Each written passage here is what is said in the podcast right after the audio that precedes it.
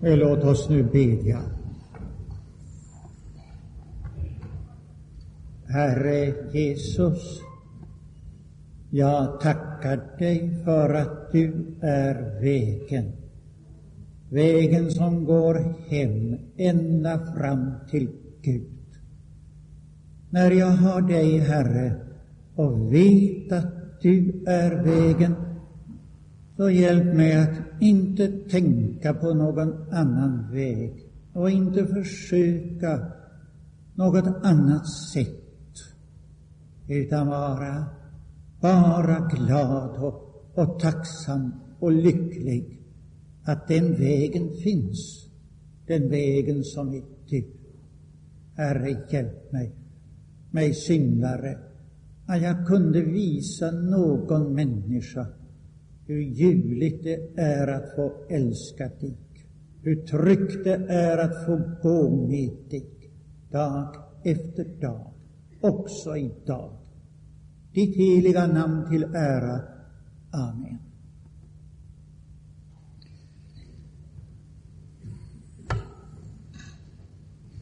Idag skulle vi alltså tala om Jesus Kristus, världens frälsare. Och det är inte lätt att hålla en bibeltimme över det ämnet. Ibland är det svårt att hålla bibeltimme för att det är svårt att hitta texter goda. Idag är det svårt att välja. För om Jesus Kristus som världens frälsare talar varje sida i Nya testamentet. Och var ska vi nu börja idag? Jag tror att vi ska försöka fortsätta där vi slutade i lördags. Vi talade ju då om hur lärjungarna fick se hemligheten. Hur han lärde dem att förstå att han var sann Gud och sann människa. Att han lärde dem att förstå att han måste dö för deras skull. Och nu eh, var de apostlar och budskapet skulle bäras ut i världen och detta skulle predikas. Det var inte lätt. Det finns en märklig vers i Johannes eh, 16 kapitel. Ni behöver inte slå upp den, men jag skulle vilja fästa uppmärksamheten på den. Den säger så ofantligt mycket. Det är den tolfte. Johannes 16 kapitel, tolfte versen. Minns nu att Jesus säger detta när han tar avsked den sista kvällen, när han säger att han ätit påskalammet för sista gången. Han skall gå till sin fader. Då säger han jag hade ännu mycket att säga er, men ni kan inte bära det nu. Och därför säger han det icke nu. Vem ska då säga det? Jo, säger han, när han kommer som är sanningens ande, då ska han leda er fram till hela sanningen.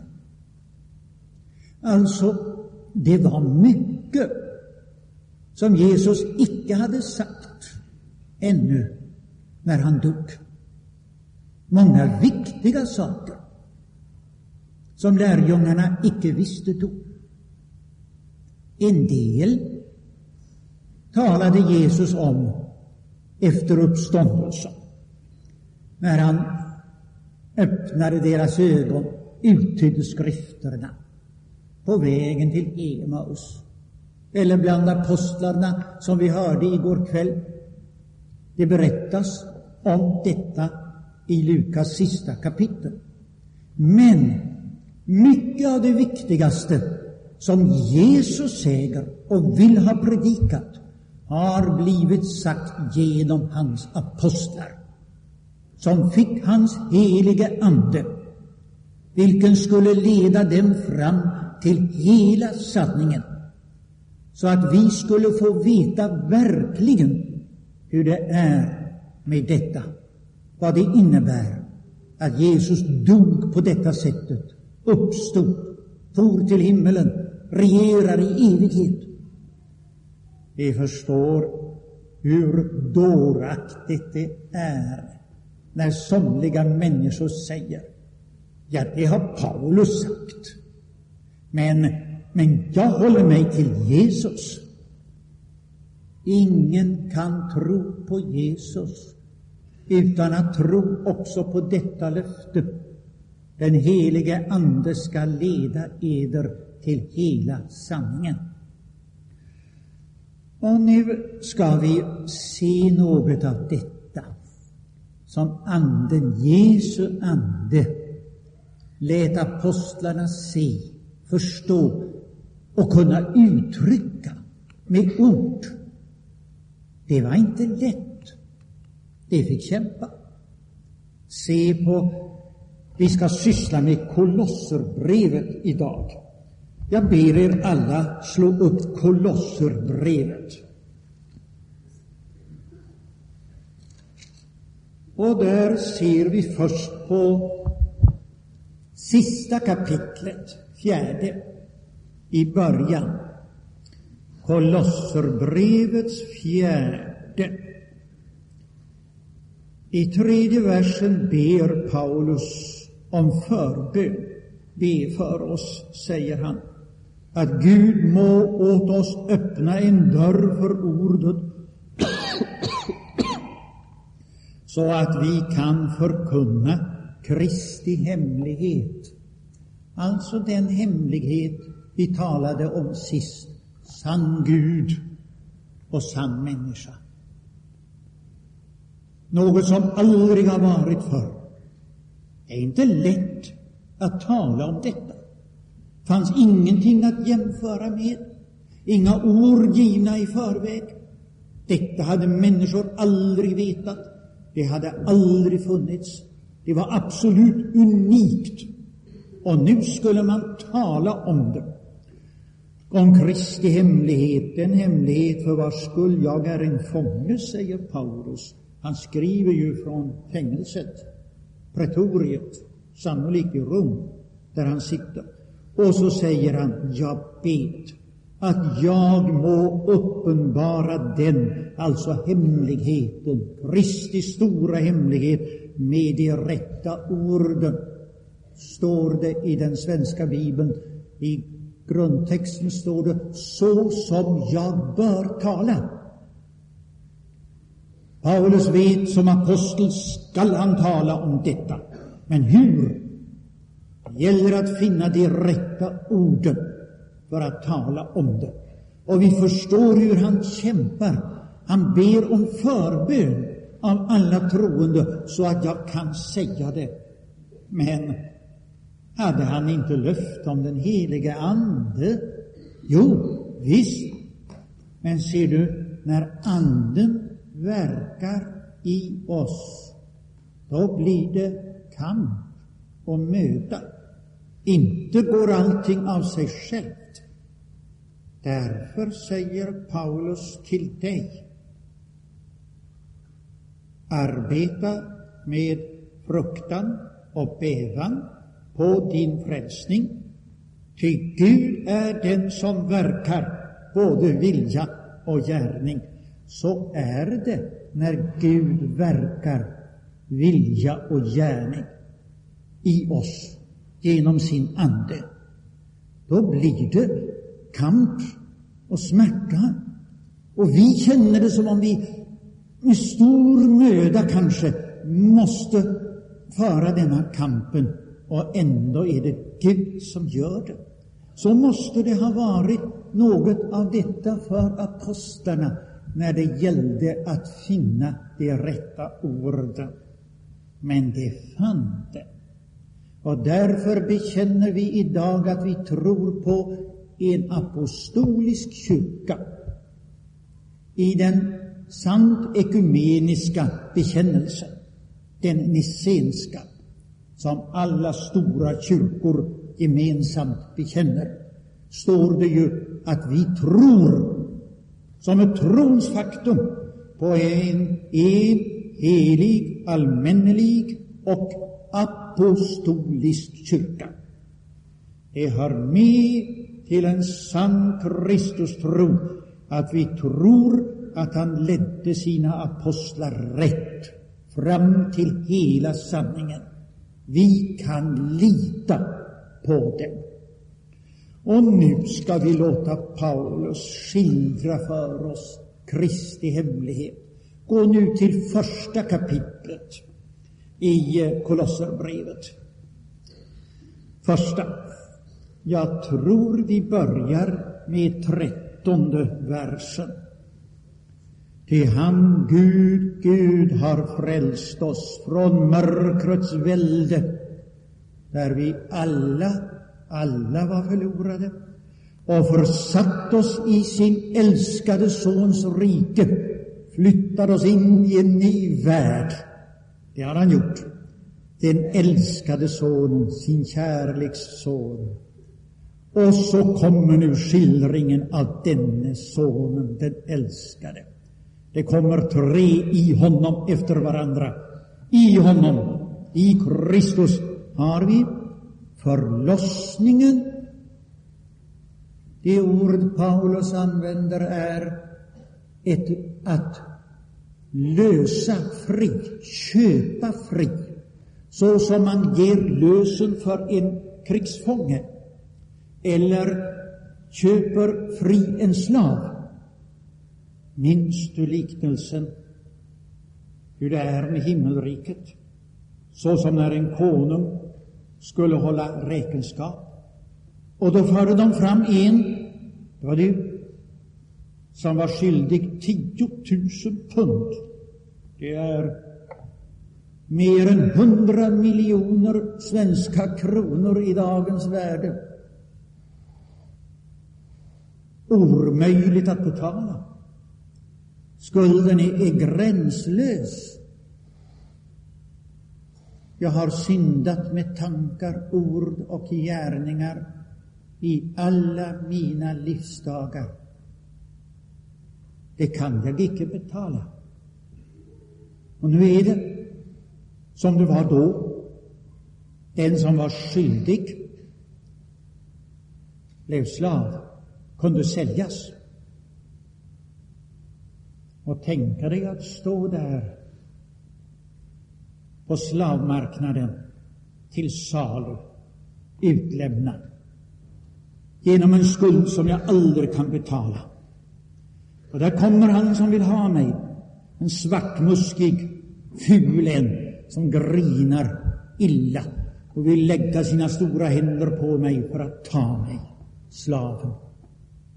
Och då kommer en som betalar allt, hela den väldiga summan och löser mig fri. Det är apolytrosis på grekiska, förlossningen. I honom, det är han som kommer, allt har han betalat. I honom har vi förlossningen, förlåtelsen för våra synder, för allt. En verklig förlåtelse. Inte att Gud blundar, utan allt har blivit betalt. Vi är kvitt, kan Gud säga. Det är överkorsat. Ja, jag har fått det allt. Kom in, välkommen. Det är det Paulus säger här. I honom har vi detta. Och så kommer han igen. I honom, i honom, i honom, som är den osynlige Gudens avbild. Gud kan ingen se, men Jesus har vandrat på jorden och vi såg honom, säger Johannes, som en enfödd son. Vi såg hans härlighet. Och Paulus har också sett honom i synen vid Damaskus. Och vi kan alla se honom i hans ord och där är han, den osynlige Gudens avbild, och förstfödd före allt skapat, stod det. Förstfödd före allt skapat. Fantastiskt. Innan skapelsen var föddes han fram ur Gud, var Gud, hos Gud, alltigenom Gud. Denne Jesus som sen föddes i Betlehem. Denne man som hängde på korset har varit till från begynnelsen lika evig som Gud, först född, före allt skapat. Ty i honom, vi läser vidare, 16, ty i honom, tredje gången kommer det, i honom Kristus skapades allt i himmelen och på jorden, synligt såväl som osynligt. Paulus vet vad han menar. Det finns en synlig värld, det som vi kallar kosmos, det som består av materia, atomer, elektroner som kan ses. Det har också stjärnorna, Vintergatan, galaxerna, men det kan ses. Men bortom över, utanför allt detta, finns en osynlig värld som vi, så skapade som vi är, icke kan träda i direkt förbindelse med, som icke kan ses. Och Paulus syftar på detta när han säger alltså skapades allt i himmelen och på jorden, synligt såväl som osynligt. Och så räknar han upp den osynliga världen, både tronänglar och herrar och furstar och väldigheter. I andevärlden tillägger den svenska översättningen. Det står icke i grundtexten, men det är sakligt riktigt. I denna andevärld som ibland kallas den himmelska världen i Nya testamentet. Den himmelska världen, det är den där världen som tydligen skapades före vår himmel och vår jord. Tidigare fanns det redan. Gud omgav sig av levande, lyckliga väsen. Gud unnade andra att finnas till. Att få uppleva det fantastiska att kunna tänka. Jag är. Det som är Guds väsen gav han bort åt andra så att jag kan veta att jag är. Jag har fått liv av honom. Alltsammans, står det i slutet på 16, har blivit skapat genom Kristus, genom honom och till honom. Så där står alltså Kristus som början och som slutet. Tänk dig ett intet, ett svart tomrum som inte ens är ett rum. Försök att tänka dig att du försvinner i detta. Du är icke. Här är det tomma intet. Och så ropar Gud in varde liv. Och du blir till av intet. Världen blir till, och du också.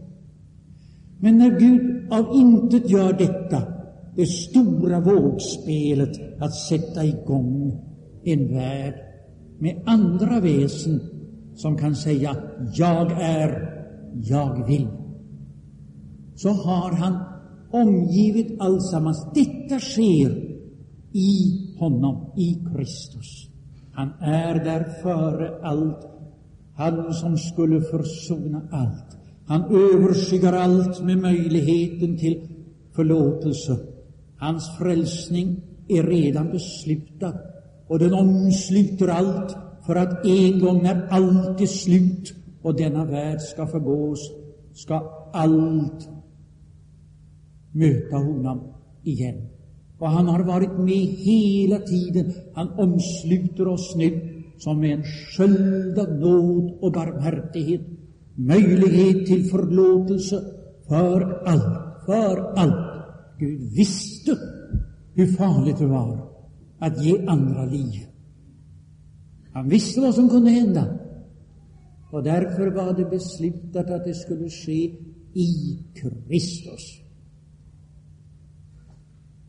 Det finns det som säger spekulationer. Ja, det säger Paulus. Det kunde han som hade mött Jesus bara som en syn, icke sett honom på jorden, den enkle timmermannen från Nasaret, utan skådat en himmelsk syn. Han kunde komma med sådana här spekulationer, fantasier. Eller Låt oss lyssna till en som såg honom, som vandrade med honom. Jag tänker på Johannes. Lägg nu ett märke så att vi kan gå tillbaka till Kolosserbrevet. Men vi ska jämföra det med Johannes. Johannes evangelium, första kapitlet. Och så ska vi pendla mellan dessa två. Se det ena och se det andra. Och se hur det stämmer, fast Johannes delvis har funnit andra ord. Delvis säger det med andra termer, men samma sak. I begynnelsen var Ordet, så börjar Johans evangelium. Därför att Bibeln börjar så. Hans bibel började ju liksom vår med ordet i begynnelsen skapade Gud. Och nu vill han säga det att i begynnelsen på skapelsedagen, då var redan ordet, han menar Kristus. Låt oss säga Kristus här.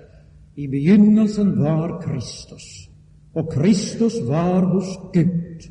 Och Kristus var Gud. Detta var i begynnelsen hos Gud. Genom det har allt blivit till. Hör du? Genom honom skapades allt, säger Paulus, och utan det har intet blivit till som är till. Det finns ingenting som existerar som inte blivit till genom Kristus. Han var medskapare. Han var nådens garant. Guds goda mening stod där, påtaglig, när det framgick under Kristi händer. Johannes säger, fjärde versen, i det i ordet i Kristus var liv, och livet var människornas ljus. Alltså i Jesus Kristus var, i Kristus var liv, Guds liv, livet det eviga som var hos Fadern. Det där som bara Gud hade, det var i Kristus. Och det är nu detta liv som är människornas ljus. Ljus kan här återges möjligen med mening. Om vi frågar efter livets mening, varför fick jag det? Varför skulle jag bliva till? Så svarar Johannes, för att du skulle dela Kristi liv, för att du också skulle få del av detta liv som var hos Gud, för att du skulle få leva hos Gud alltid. Det är inte en slump att du existerar. Det är inte någonting som har satt sig igång av sig självt. Inte heller är det bara en värld som Gud har skapat för att sen se om någon duger för hans rike. Utan det är en värld där Gud vill att vi alla, vi är skapade till Jesus Kristus. Gud visste hur svårt det skulle vara. Han visste hur mycket synd, grymhet, elände, tarvlighet, småaktighet, feghet här, här skulle finnas. Och han, därför så fick allsammans ske i Kristus, omslutet av denna gränslösa barmhärtighet som gör det möjligt, omslut, omslutet redan från början av en Guds plan som skulle göra det möjligt att få förlåtelse för allt. Nu går vi åter till Kolosserbrevet och fortsätter. 17. Ja, han är till före allt annat, det vet vi nu. Och alltsammans äger bestånd i honom. Världen skulle inte finnas idag om icke Kristus funnits. Hade icke Golgata varit, hade Gud för länge sedan gjort slut. Funnes inte den gränslösa förlåtelsen, skulle Gud inte låta oss leva en minut längre. Men därför att allt är inneslutet i denna förlåtelsens möjlighet, en möjlighet till förlåtelse utan gräns, kan Gud kosta på sig att säga, som vi hörde första bibeltimmen, vänta lite, ännu en tid. Här finns något att vinna, något oändligt värdefullt. Världen äger bestånd, får gå vidare, bara för Kristi skull. Nu har alltså Paulus här först gjort klart för oss att han är den främste i skapelsen, huvudet som omsluter allt med sina händer. Och nu vill han vidare säga det är alldeles på samma sätt i kyrkan, i den nya världen och den nya mänskligheten. Och det ser vi i nästa vers, 18. Och han är huvudet för kroppen, det är församlingen.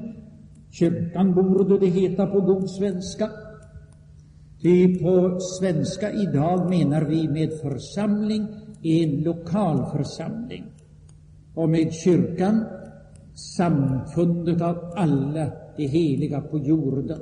Därför heter det i trosbekännelsen vi tror på en helig allmännelig kyrka. Och det är det ordet som står här, den meningen i det ordet. Han är alltså huvudet för kroppen, det är hans kyrka. Han som är och har nu begynnelsen Åter är han där i begynnelsen, fanns redan då.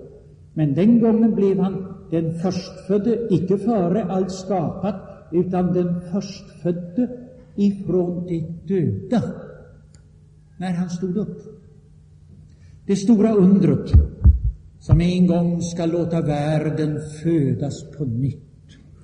När Gud skapar en ny himmel, en ny jord, en ny mänsklighet, när du får en ny kropp, en ny existens.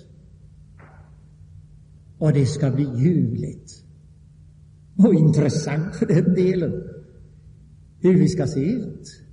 Vad Gud ska hitta på den gången och göra oss av. Det vet vi inte, men vi vet att vi ska bli honom lika, säger Johannes som såg den uppståndne som stod alldeles intill honom, talade med honom. Det vet han. Vi blir honom lika, ty han är förstlingen, den förstfödde, som har fötts på detta sätt för första gången och burit den nya världens nya gestalt. Den nya skapelsens ljuvliga träd har en enda gång slagit ut med en blomma här på jorden. Och det var på påskdagens morgon. Den nya världen har redan varit kroppsligen inne i den gamla. Han som tillhörde den nya skapelsen har gått över strandgruset vid Genesarets sjö. Han har stått på stenplattorna inne i salen i övre våningen. Så verklig är den nya världen. Han är alltså den förstfödde från de döda. Och så säger Paulus att eh, så skulle han i allt vara den främste. Den främste i skapelsen, den främste i kyrkan. På honom beror allt. För hans skull är den till. För hans skull kan kyrkan finnas också nu. Därför att det finns förlåtelse.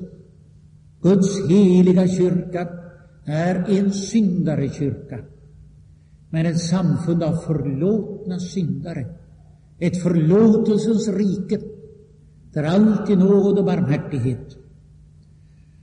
Sådan är nu han, vår frälsare. Vår frälsare. Och eh, ska vi lyssna till något av detsamma i Johannes. Gå tillbaka till Johannes första kapitel. Vad står det i elfte versen? Han kom till sitt eget, det som han hade skapat. Ni förstår tanken, varför det var hans eget.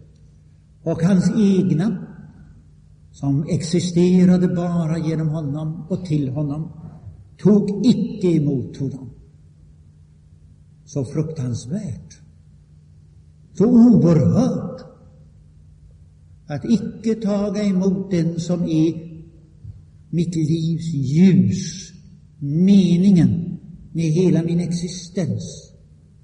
Men, står det sedan, 12, åt alla dem som tog emot honom gav han makt att bliva Guds barn åt dem som tror på hans namn. Åt alla dem som tog emot honom, öppnade sig, trodde, gav han makt att bliva Guds barn. Vi talar lite dåraktigt om att ge sitt liv åt Jesus. Det är egentligen ganska ytligt sagt. Vad har jag att ge? Vad har jag att ge? Ser du, att komma till Jesus är icke som att gå upp på en partilokal och säga jag har beslutat mig för att vara med i ert parti. Var snäll och anteckna mig. Så går det icke till. Utan det går så till att han kommer, han som har allt och är allt, och ger mig en fantastisk möjlighet, och jag tar emot honom. Han ger sitt liv åt mig. Och när jag tar emot den gåvan, då ger han mig makt att bliva Guds barn. Jag har inte makt till det att komma här och gå in i föreningen som är glad att ta emot mig.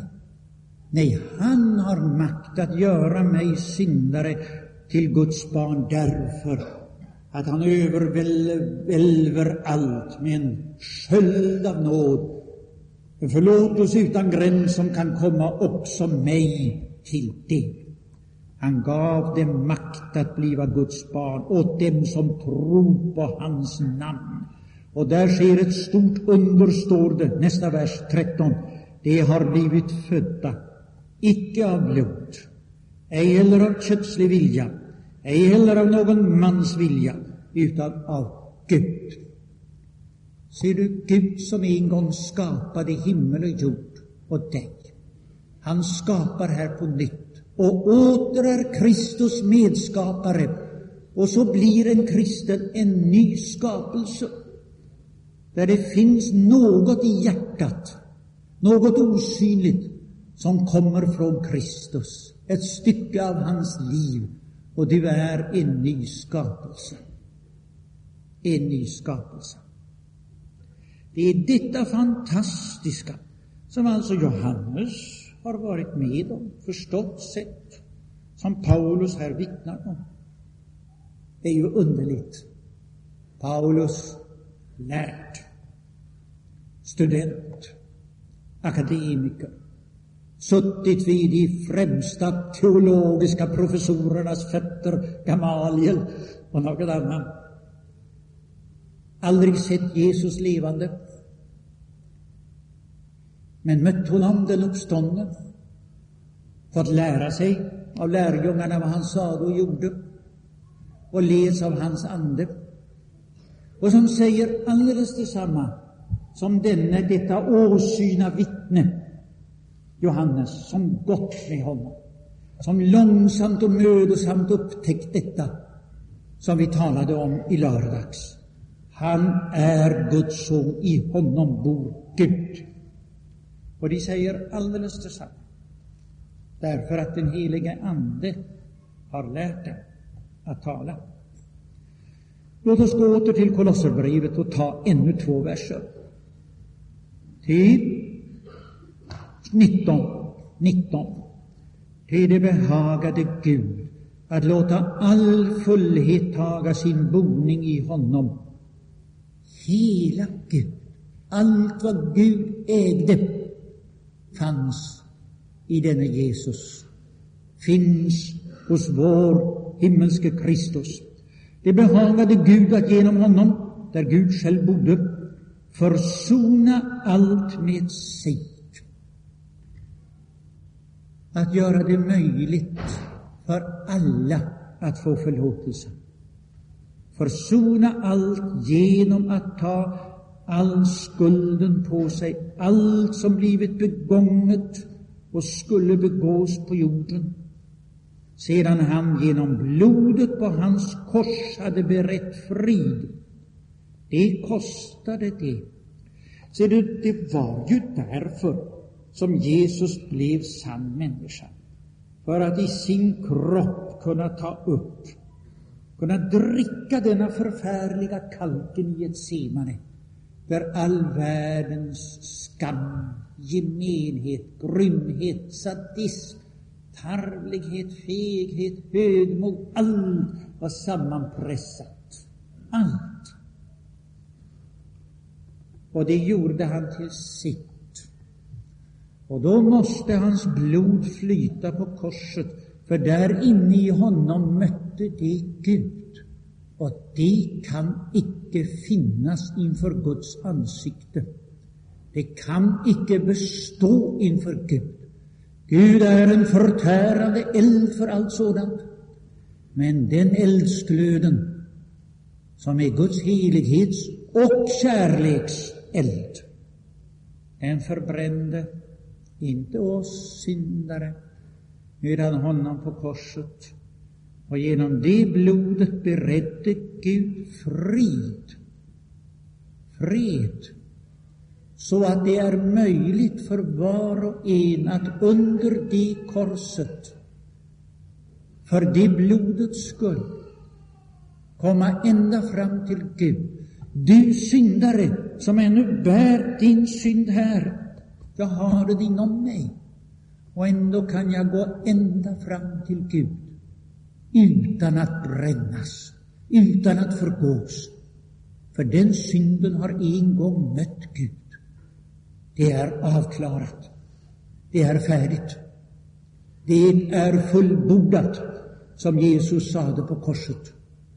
Jag får vara Guds barn. Och just det säger, herr Paul, säger Paulus, 20 versen. Vi fortsätter. Ja, genom honom Kristus skulle så ske, alltså frid skulle kunna beredas med allt vad på jorden och i himmelen är bland allt skapat. Ville Satan tro, så skulle allt kunna vara förlåtet.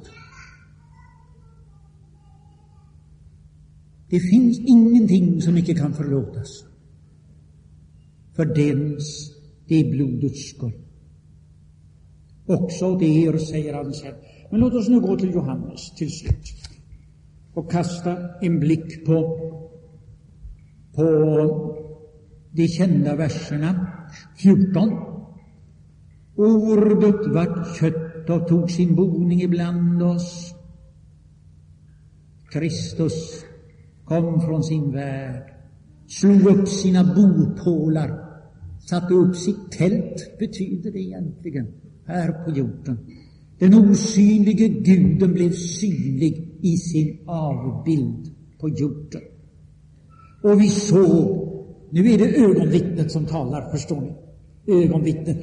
Jag såg med mina ögon, kan Johannes säga. Jag såg hans härlighet. Det där som bara Gud har. Härligheten, Guds eget väsen. Vi såg liksom en enfödd sons härlighet från sin fader och han var full av nåd och sanning. 16 versen. Av hans fullhet har vi alla fått nåd utöver nåd, utan gräns. Icke en gång, utan på nytt. Han tröttnar icke att förlåta. Det är icke slut på hans barmhärtighet. Den räcker för varje dag i livet. Genom Moses blev lagen given. Men nåden och sanningen har kommit genom Jesus Kristus. Båda dera kom genom Gud. Moses hade inte fel.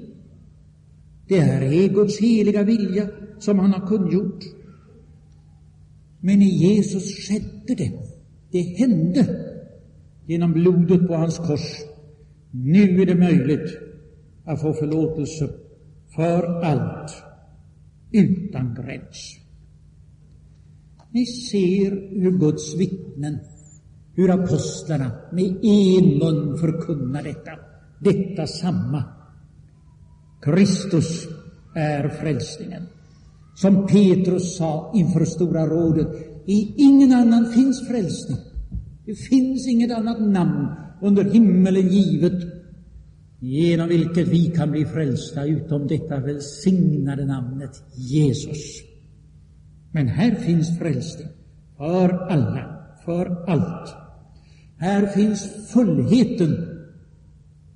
All fullhet bodde i honom. Här ligger en viktig påminnelse som rör en sak som diskuteras ganska mycket i vår tid, inte minst i missionskretsar. Hur är det? Finns det inte ljusstrimmor också i de andra religionerna? Måste vi inte säga som, som den där religiöse hedningen Symmachus på 300-talet, den siste övertygade anhängaren av den gamla romerska statsreligionen, som såg med förskräckelse hur kristendomen segrade och skrev en bok där han bland annat säger det. Guds fullhet är alldeles för stor. Här finns alldeles för mycket för att det skulle kunna... Gud är, Gud är alldeles för stor för att det skulle leda bara en väg till honom. Det måste finnas många. Detsamma, förstår ni, sa man i Kolosser.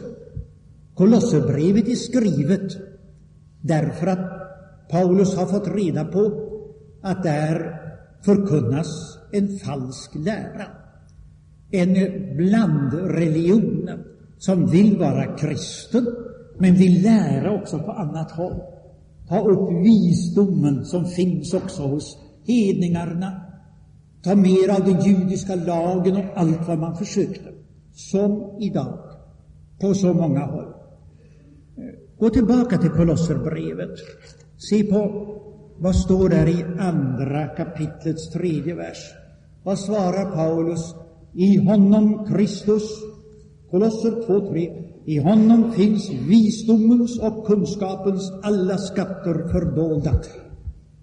Här tar Paulus två nyckelord för alla dem som trodde på något mera än evangelium.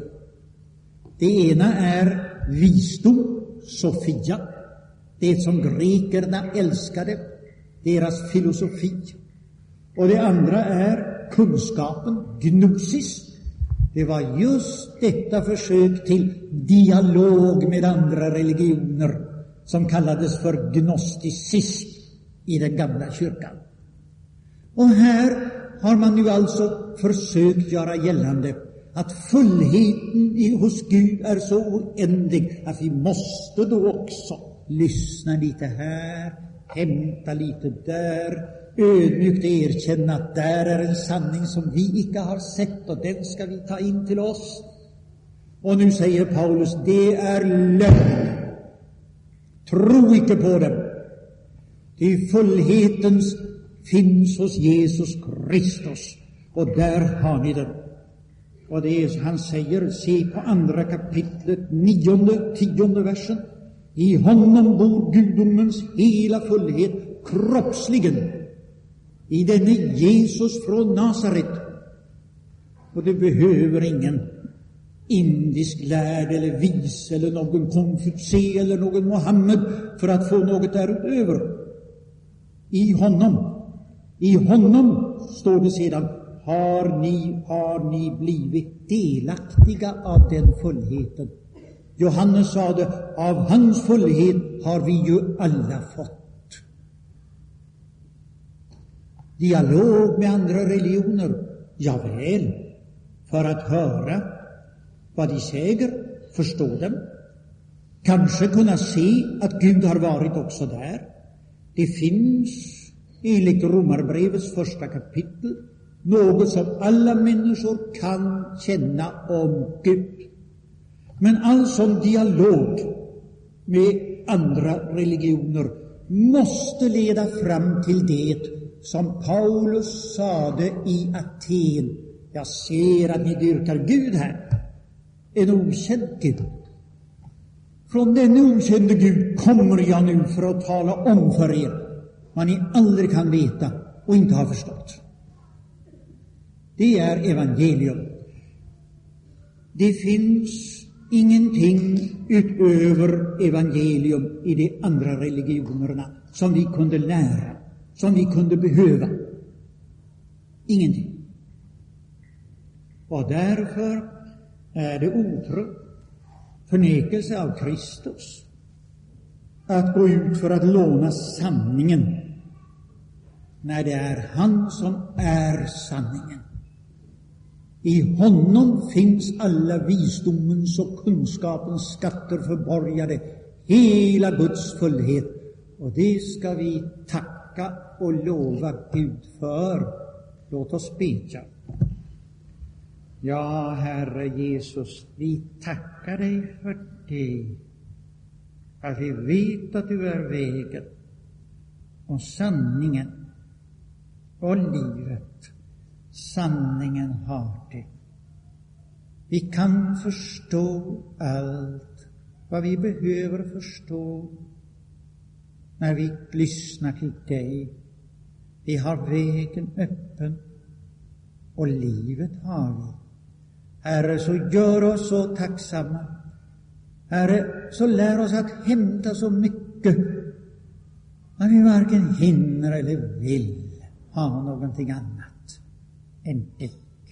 Du som gjorde allt för oss och har allt som vi behöver.